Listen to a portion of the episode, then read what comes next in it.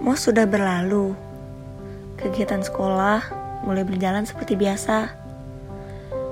Ya, seperti yang kalian tahu, aku jatuh hati pada pandangan pertama sama Raka.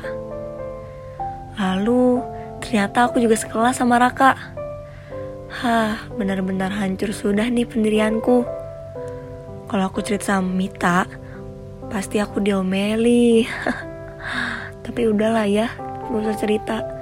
Aku gak mau ada yang tahu tentang perasaan aku sama Raka. Ya memang kita sahabat.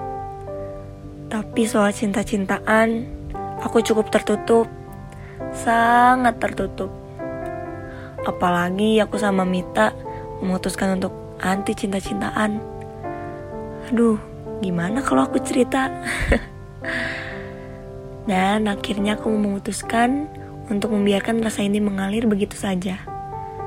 Karena tidak ada yang tahu kan ke depannya akan seperti apa. Hmm, bicara soal Raka, Raka itu keren. Dia pintar, dia aktif, dia juga baik banget. Orangnya sangat easy going, ramah terhadap siapa pun, termasuk aku. Walaupun aku hanya berdiam diri di pojok kelas, dia suka menyapa. Hah, senangnya. Baik banget. Dia terlalu baik untuk seorang apatis kayak aku. Sepertinya aku benar-benar akan terus mengaguminya dari kejauhan. Sangat jauh untuk aku gapai. Dan teruntuk Raka, jangan pernah berubah ya. Aku ingin terus menyukai pribadi hebatmu.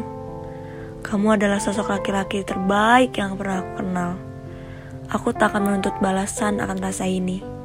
Aku bersyukur dengan rasa ini, kisah putih abu-abuku dimulai dengan indah.